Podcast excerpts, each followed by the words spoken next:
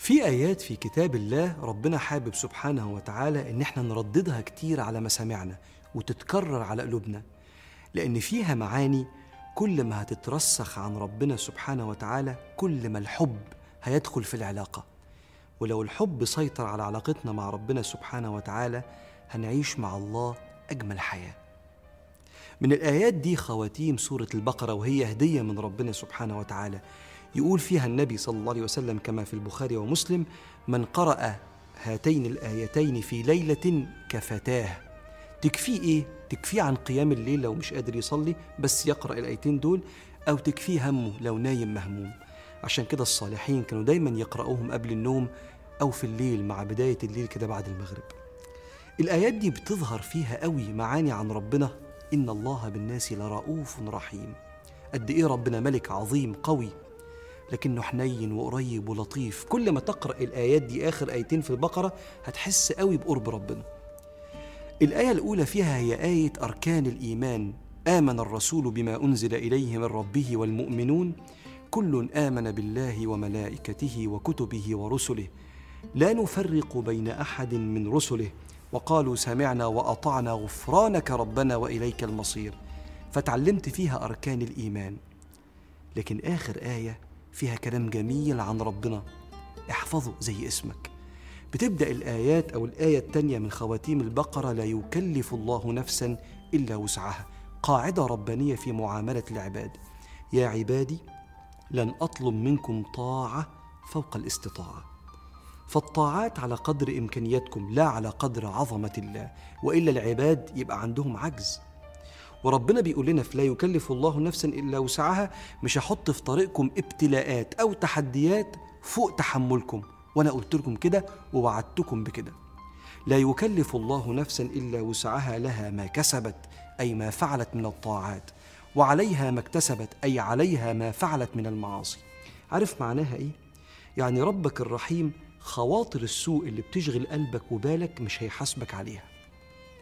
وخواطر الخير هيحاسبك عليها بحسنات ترفع درجاتك. وسيدنا رسول الله قال كده قال إذا هم العبد بحسنة فإن عملها قال الله اكتبوها له عشرا وإن لم يعملها بس مجرد فكر في الخير وإن لم يعملها قال الله اكتبوها له حسنة. فاطمن.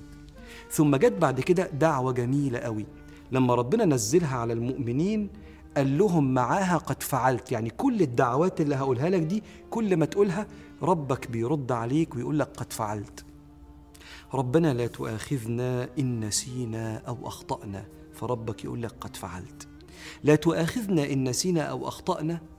يعني أنت بتقول لنفسك إلهك إله مش متربص بالعقاب مش بيحب يعاقب الناس لكن بيحب العفو.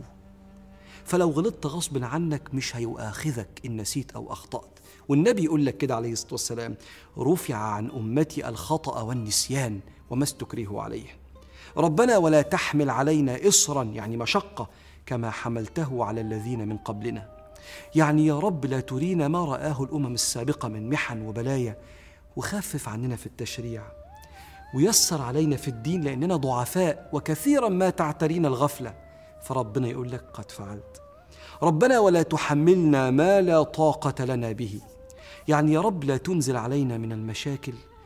اللي قبل ما نحلها تفنى طاقتنا فنحمل ما لا طاقة لنا به. عنا يا رب. وخليك معنا جنبنا بلطفك وقربك عشان ده مصدر الطاقة في صبرنا على بلايا الدنيا. قال الله قد فعلت واعف عنا واغفر لنا وارحمنا. في رحلة الحياة هتصدر مننا أخطاء يا رب بقصد أو بغير قصد. لو غلطنا اعفو عنا واغفر لنا وارحمنا. يعني سامحنا. وامسح سيئاتنا. ولو نسينا حتى نحن نتوب يا رب أنت بعفوك عننا سامحنا حتى بغير توبة عن الذنوب اللي إحنا عملناها ونسيناها واحفظنا من الفضيحة. فربنا يقول لك قد فعلت وأنت تختم الآيات بعد واعف عنا. واغفر لنا وارحمنا. تقول له أنت مولانا ده أدب مع الله. يا مولانا تولانا ليس لنا من نطلب منه كل الطلبات دي سواك أنت وبس يا رب. أنت مولانا. فانصرنا على القوم الكافرين. انصرنا على اللي أنكر وجودك وحاربنا عشان ننكر وجودك. كأنك بتختم الآيات بتقول له يا الله حافظ لي على عقيدتي دي فيك أعيش دايما بيك ومعاك. كررها.